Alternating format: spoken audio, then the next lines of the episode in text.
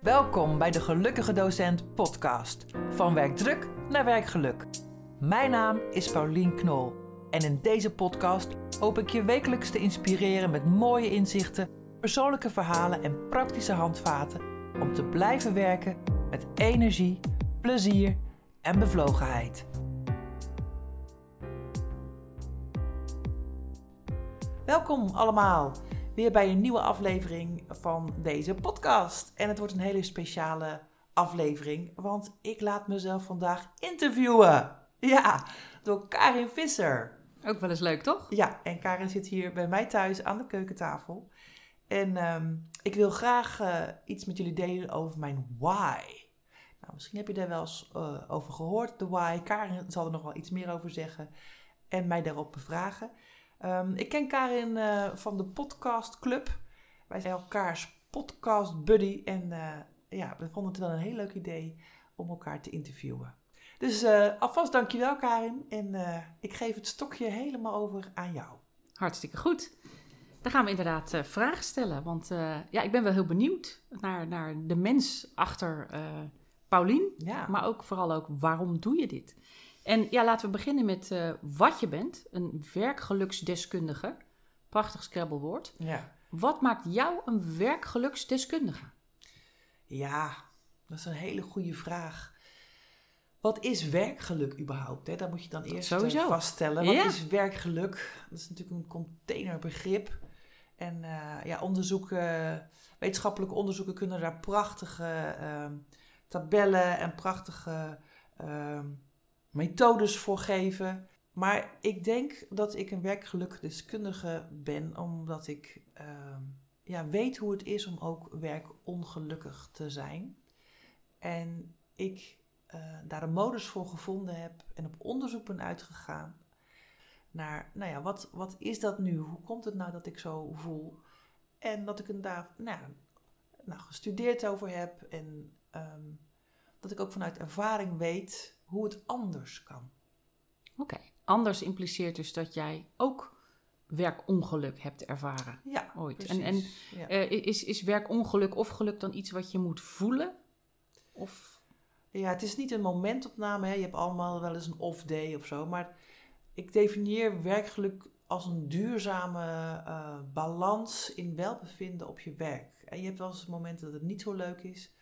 Uh, maar over het geheel genomen is het oké. Okay. En heb je genoeg energiebronnen om de dingen die je energie kosten ook uh, mee te, ja, te balanceren, te compenseren. Ja. Nou ja, werkongeluk betekent dat het uit balans is. Hè? Dan kost het je te veel en dan doe je ja. te veel dingen die je niet leuk vindt, die je geen energie geven.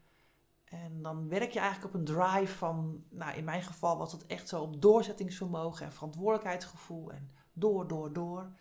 En niet meer op van, hé, hey, wat heb ik er plezier in? Wat vind ik het leuk? Nee. En wat ben ik gepassioneerd over wat ik doe? Oké. Nou, je put heel duidelijk uit je eigen ervaring, hè? En dan ook nog eens in een, in een vakgebied wat specifiek is, het onderwijs. Mm -hmm. um, hoe, hoe ben jij deskundig in dat vakgebied? Kun je daar iets over vertellen, je achtergrond in het onderwijs? Ja, ik, uh, ik werk nu 23 jaar lang, denk ik, uh, als MBO-docent. Wauw. Um, en ja, daar heb ik natuurlijk heel veel uh, in meegemaakt. Mm -hmm. um, ik heb gewerkt, uh, ik heb de opleiding gedaan uh, voor docent omgangskunde. Nou, dat is al een vakgebied waarin je ja, anderen leert hoe je om moet gaan met, vul maar in. Hè? Mm -hmm. Dus omgang met. Um, dus dat was al een begin van hoe doe je dat nou? Hoe ga je om met samenwerken? Hoe ga je om met uh, cliënten? Hoe doe je dat in communicatie? Hoe doe je dat met jezelf? Hoe reflecteer je?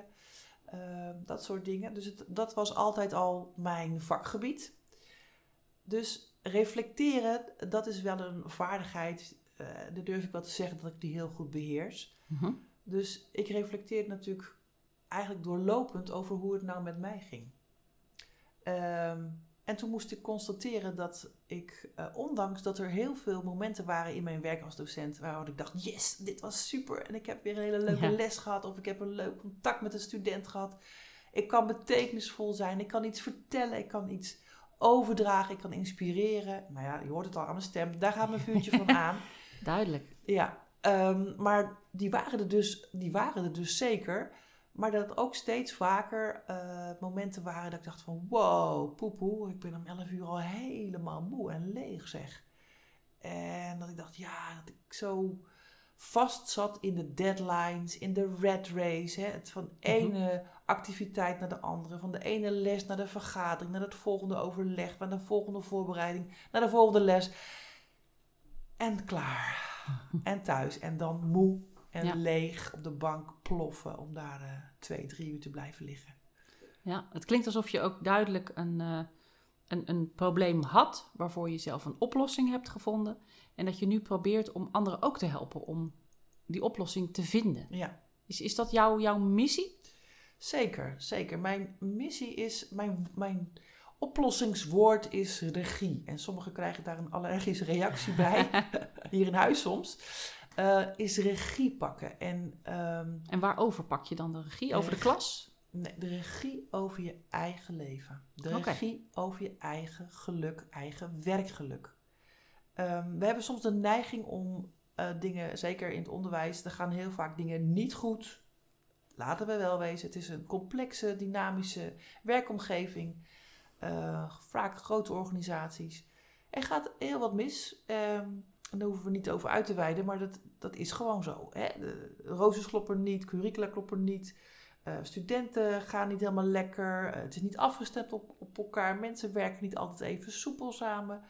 Je kan er genoeg van vinden. Um, het is makkelijk en ook wel verleidelijk misschien om de schuld van je eigen nou ja, niet welbevinden, mm van je eigen ongelukkig voelen bij een ander neer te leggen. Het ligt aan het team, aan de collega's of het ligt aan de studenten. Eh, die zijn ook niet altijd even makkelijk. Eh, is ook zo. Ja. Of aan de manager of aan de overheid die allemaal met regeltjes komt. Of die weer verzint dat de klassen groter moeten. Of die verzint dat we een duizend uren norm hebben. Zodat we wij weer al allerlei regeltjes moeten voldoen. Wat weer zijn effect heeft. Maar dat schiet niet op.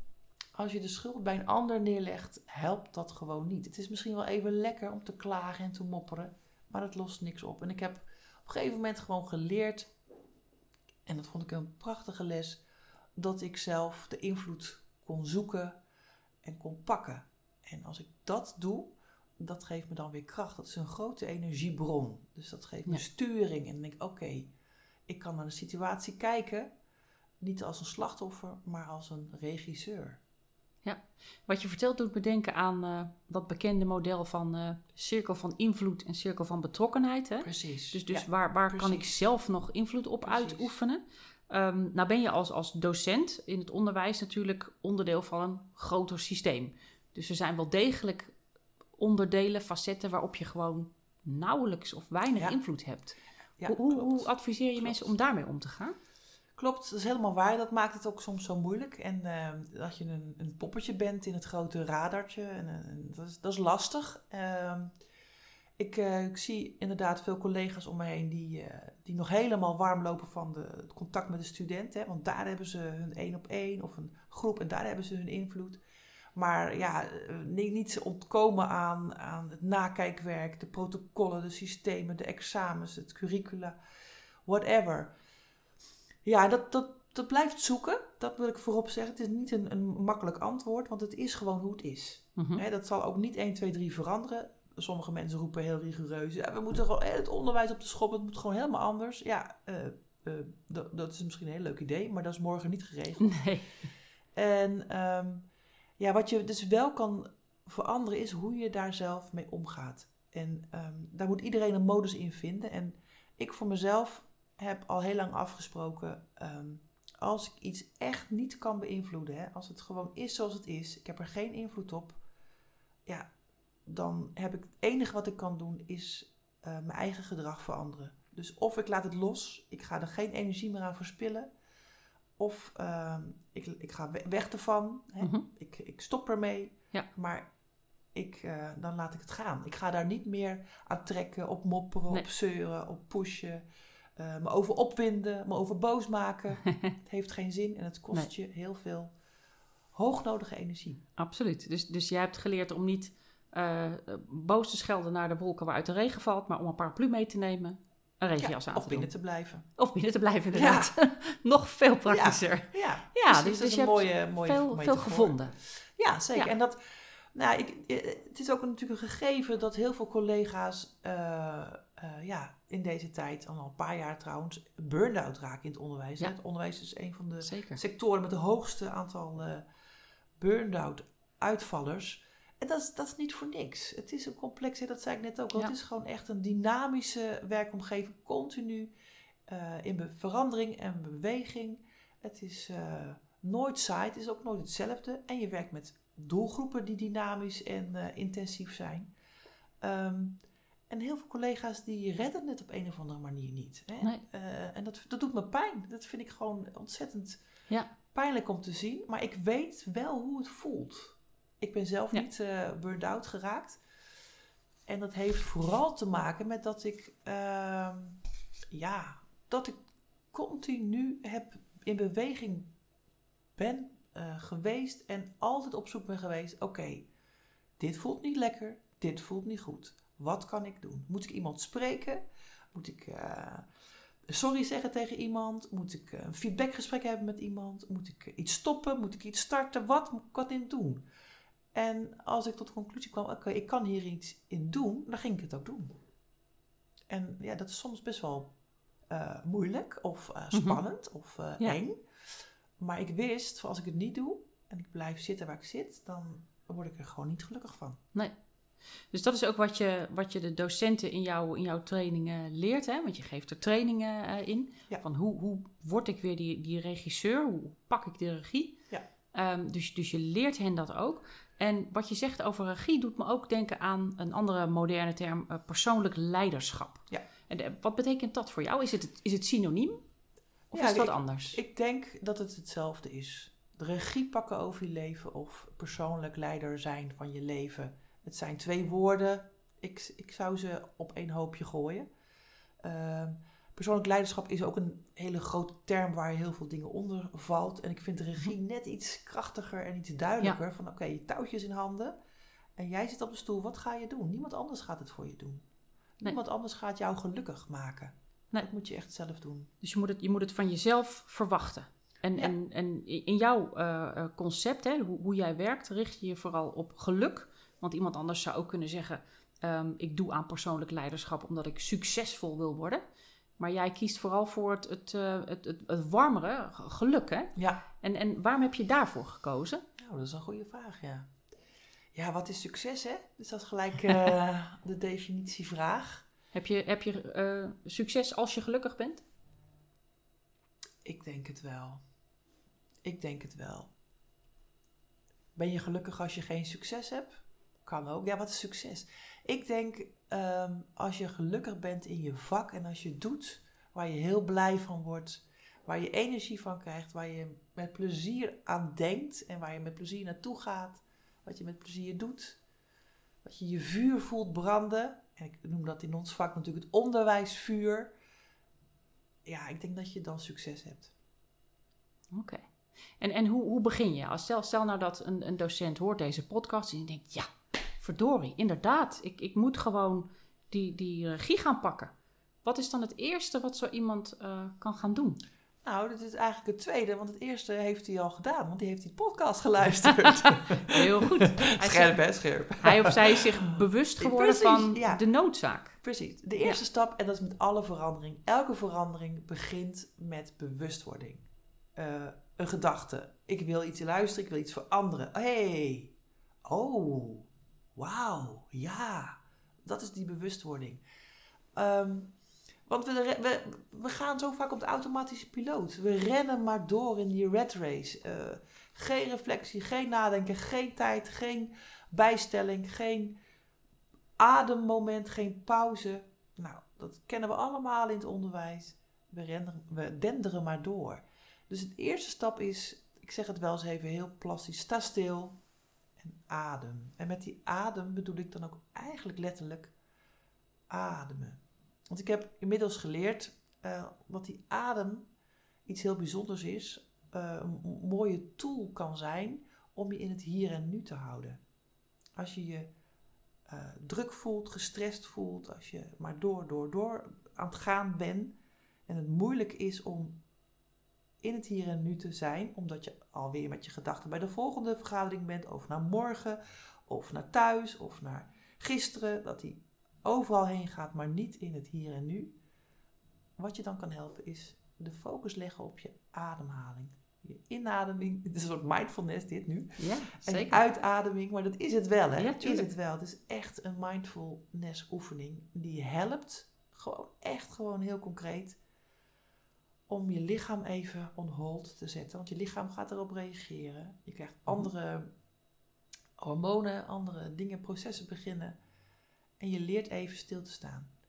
En dan kan er ruimte ontstaan tussen, nou ja, de stimulus, hetgeen wat, wat, wat er moet gebeuren, en jouw reactie daarop. Dan ga je, kom je tot het besef, hé, hey, kan het ook anders? Kan ik ook anders kijken? Kan ik ook anders denken? Kan ik ook anders doen? Dan gaat het misschien ook wel anders voelen. Zeker. En dat, proces heb ik zelf heel vaak meegemaakt. En daar ben ik ook super enthousiast van. En dat, dat, dat is een gelukssleutel, dat, dat wil ik gewoon iedereen geven. Ik zie het eigen gezicht inderdaad. Ja, leuk. Hè? Luisteraars camera er even niet zien. Jammer nou. Maar dat is inderdaad een mooie reeks die, je, die je omschrijft. Hè? Eh, het begint met kijken en ja... Ja, want um, uh, ja, het, het, klinkt voor mij ook als uh, verleggen van de focus. Ja. Waar je normaal de focus verlegt op alles buiten jou, wat buiten jou gebeurt. De leerling, de directie, de vergadering. Leg je de focus naar jezelf. Ja. En wie ben ik, wat wil ik? Ja, en bewust worden betekent ook, uh, is, mooi dat je dat zo zegt, is een soort scan naar binnen. Focus op jezelf. Hoe is het eigenlijk met mij? Hoe is het met mijn lijf? Wat zegt mijn lijf? Mm Weer die mindfulness. Ja. Maar wat zegt je energie? Hoe staat het met mijn energiehuishouding op dit moment? Ben ik aan het leegtrekken? Nou, mhm. dat was ik heel vaak. Ik ben echt wel een leegtrekker. Ik ga gewoon door.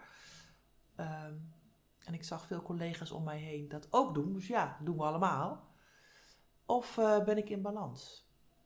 En dat is ook een, een, een tweede stap eigenlijk om uh, in kaart te brengen waar zitten jouw energielekken in je werk? Wat kost je veel energie? Wat vind je mhm. moeilijk? En waar zitten je energiebronnen? Oké. Ja. En, en die, die kunnen dus uit balans zijn, hè? begrijp ik uit wat je, wat je zegt.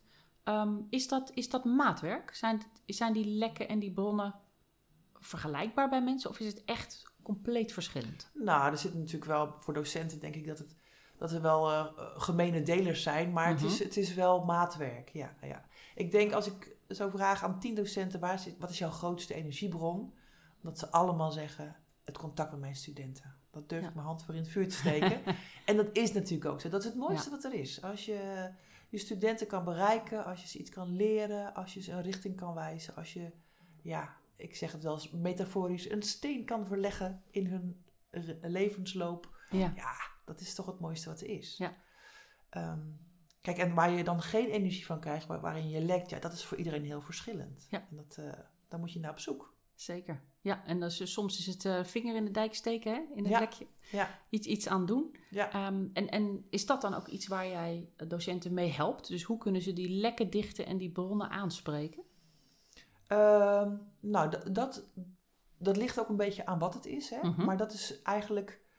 Ik ben meer langs de zijlijn... Uh, ga het maar eens onderzoeken hoe je dat kan doen. Dus ik stuur ze meer. Ik coach je meer in de richting van... Oké, je hebt nou de oorzaak van het lek. Ja ga eens onderzoeken wat, wat je daar kan doen. Ja, Wie kan je daarbij helpen? Een echte docent, hè? De echte houding van een docent. Ja, toch wel, ja. Niet zeggen wat ze moeten denken, maar vooral nee. waar ze moeten kijken. En, zeg, je moet eens met Karen Visser gaan praten. Die heeft misschien wel tips voor jou. Hoe je slimmer kan werken. Kan zou absoluut een rol kunnen spelen. Ja, nee, ik, ik, ik heb ook wel eens klanten in het onderwijs. En uh, het is goed te merken. Ja, zeker. Uh, het, is, het is heel anders dan in andere functies, hè? strakke kaders. Ja, strakke kaders, ja. weinig Terwijl regelruimte. autonomie ook zo belangrijk is voor je werkplezier. Hè? Dat, daar komen we ook steeds meer achter. Dat, uh, ja. omdat, uh, nou, dat is ook, autonomie is ook een stuk regie. Hè? Dat is ook zelf kunnen bepalen hoe je je lessen vormgeeft, wat je doet, uh, wat je stijl is, je eigenheid daarin kunt leggen. en ik heb het idee dat dat wel bekend is langzamerhand, dat het wel steeds meer ruimte krijgt. Maar ja, op sommige scholen nog helemaal niet. Dat is ook nog wel, is het heel strak. ja. ja. ja. Ja, de school zal zeker invloed kunnen, kunnen uitoefenen daarop.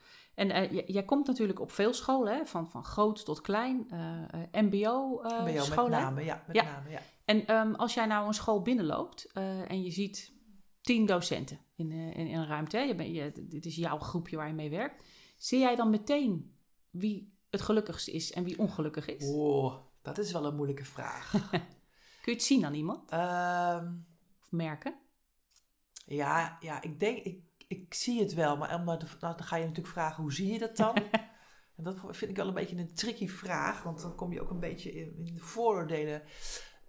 Ja, en ik hoor het vooral in de manier waarop iemand praat. En de, taalgebruik die iemand gebruikt. Hè? Hoe je over je werk praat en, en, en of je dat vanuit uh, ja, moeders- of slachtoffertaal noem ik dat dan. Uh, ja, ik moet dit nog doen, ik moet dat nog doen, ik heb geen tijd. Als je die taal, die woorden gebruikt, dan... Ja, dat zijn geen regiewoorden, zullen we maar zeggen. Nee, nee. Ja. Kan ik me iets bij voorstellen, ja. Ik ben ja. niet... Uh, ik, ik, ik, heb geen, ik had geen tijd meer, hoor. Weet je wel? Nee. Ja, dat is, is geen tijd voor gemaakt of, of dat soort dingen. andere keuzes gemaakt. Ja. Ik ben veel te druk. Ja. En als, je, als jij werkt met, met docenten, hè, want dat is eigenlijk wat je, wat je doet: uh, interactief uh, cabaret, kleinkunst, trainingen voor docenten, dat zijn dingen die jij doet. Um, wanneer ben jij nou uh, voor jouw gevoel geslaagd in wat je, wat je doet met hen? Wanneer denk je yes? Yes. Ja, weet je, ik, ik, ik, ik heb een yes gevoel als ik merk dat als studenten of docenten, in dit geval vraag je naar docenten, aangaan op wat ik doe. Als ze lachen om mijn grappen, als ik die heb. Als ze zich herkennen in mijn liedjes. Als ze kunnen relativeren om de anekdotes. Dat we kunnen lachen over, ja, wat doen we toch ook, oh, waar zijn we toch ook mee bezig? Hè? Dat je daar uh, met luchtigheid naar kunt kijken.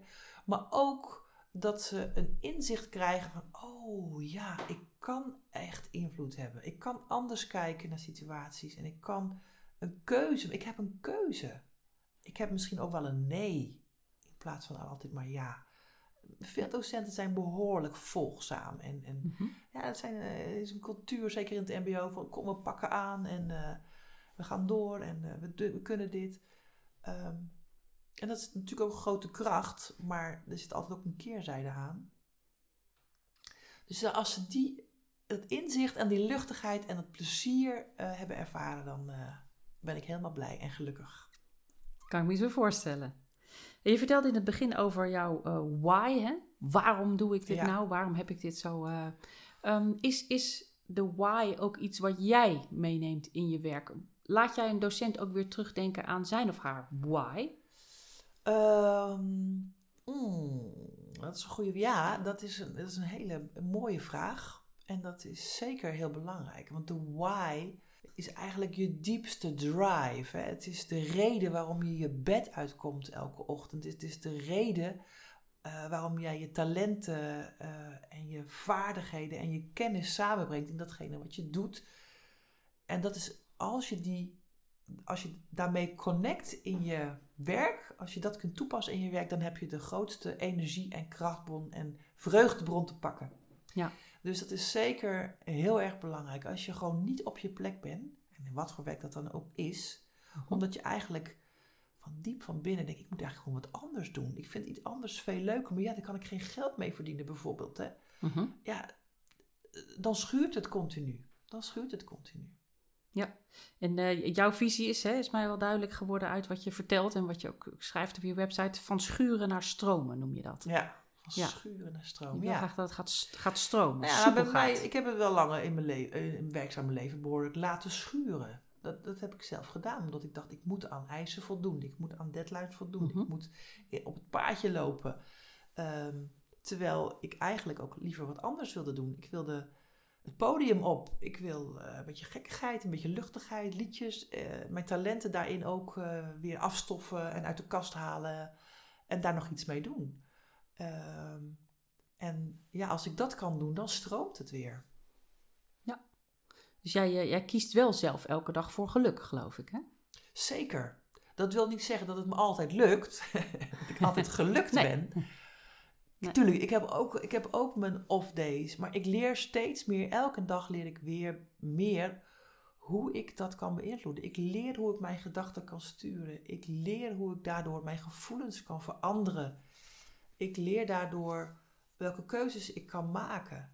En uh, ik leer ook om met vertrouwen in het leven te staan. en uit mijn comfortzone te gaan, omdat daar vaak de mooiste dingen gebeuren. Ja. En komt er een dag, denk je, dat uh, het onderwijs de gelukkigste beroepsgroep van Nederland is? Dat hoop je vast wel. Ja, maar gaat het ook gebeuren? Oh, dat, gaat het ook gebeuren? Dat vind ik een hele lastige vraag. Gaat het ook gebeuren? Ik moet natuurlijk zeggen, ik moet natuurlijk dromen en zeggen yes, yes, yes.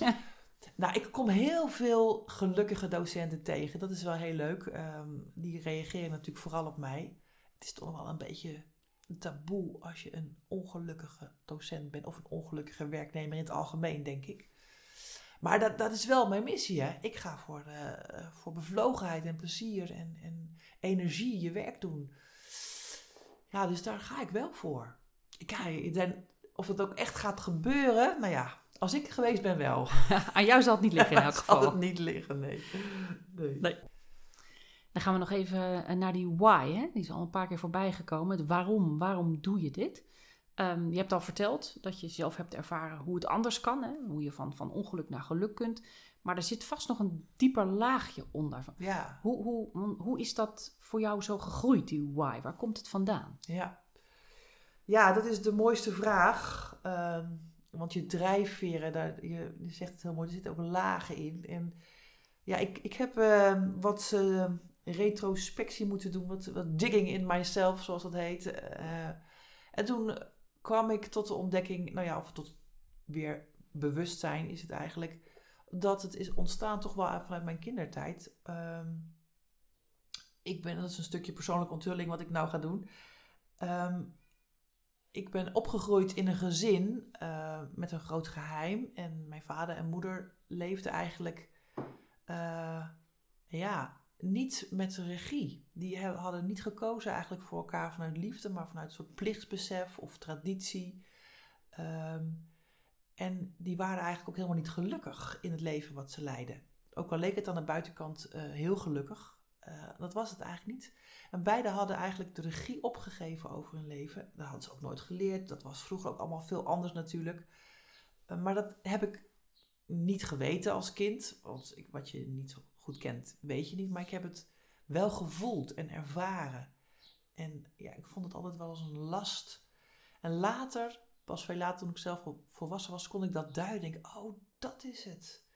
En ik heb er ook mee geworsteld in, in mijn uh, adolescentie en vol, beginnend volwassenheid.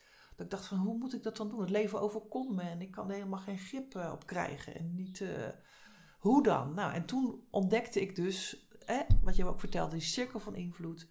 De regie pakken. Je kan invloed uitoefenen. Je hebt een keuze. Dat is vooral een hele belangrijke voor mij. Je hebt een keuze. Mijn ouders hadden het idee dat ze geen keuze hadden. Maar je hebt wel een keuze. En als je dat gaat beseffen, ja, het is gewoon life-changing. Dus die why heeft zeker een hele diepe drive. En uh, ja, ik denk dat ik dit de rest van mijn leven zal blijven doen. ja. ja, ja, dat heeft duidelijk zal blijven verkondigen. Ja. ja, heeft duidelijk veel effect op je gehad. Hè? Ja, je, je, noemt het woord life-changing. Ja. Uh, dat heb je zelf dus zo ervaren ook. Zeker. En, en dat, Zeker. dat wil je graag overbrengen. Zeker. En ik, dat is nog elke dag uh, levensveranderend. En het heeft mij ook behoed, hè, um, ook voor een burn-out, zeg maar. Want ik vertelde net, ik, ben daar, ik weet hoe het voelt om vast te zitten in systemen en in deadlines en een vol hoofd en geen tijd te hebben, geen ruimte te voelen uh, om die keuze te maken, geen keuzes te zien en maar door, door, door te gaan van vakantie naar vakantie. Uh, wat veel collega's soms doen, wat ik mensen soms zien doen, denk ik, oh ja, dat had ik ook. Ik weet hoe dat voelt en dat uh, is gewoon echt niet tof. Dat is echt niet fijn. Um, en ik, ik ben ervan overtuigd dat het, dat het mij gelukt is om uit die burn-out te blijven. Om de regie continu uh, ja, te pakken. Oké, dus het is ook nog een, een vorm van preventie waar je eigenlijk aan doet. absoluut. Ja, absoluut. Situatie niet alleen verbeteren, maar ook voorkomen dat het ja, als je de verantwoordelijkheid neemt voor je situatie um, en ook dan de keuzes neemt of maakt die nodig zijn op dat moment om jou weer nou, of een time-out te geven of op een ander spoor te zetten of uh, ja, los te laten als dat nodig is, dan, uh, dan ja. helpt dat. Absoluut. Ja. ja, snap ik. Klinkt als iets waar, echt, waar je helemaal voor gaat ook. Ja, ja. zeker. Mooi. Prachtig. Zijn we er? Ja, ik denk het. Ik heb een heel goed beeld van wat je allemaal doet en vooral ook waarom je dat doet. Want werkgeluk lees je overal. Hè? Eh, de Chief Happiness Officers vliegen je om de oren ja, in het bedrijfsleven. ja, dat is zo'n nieuwe, nieuwe term. Ja, ja, ja. ja, maar uh, je hebt er echt een verhaal bij en echt een, uh, een eigen motivatie. En dat is wel heel mooi om te ja, horen. Het komt van binnenuit. Ja, absoluut. Geluk komt van binnenuit. Ook, dat is een van mijn liedjes, hè? Ja, geluk komt van binnenuit. Neem een besluit, geluk komt van binnenuit. Dat is wel een mooie closure, hè? Zeker. Karin, absoluut. super dankjewel. Wat een leuke vorm is dit om uh, uh, ja, je verhaal helder te krijgen. En uh, dankjewel voor je mooie vragen. Heel graag gedaan.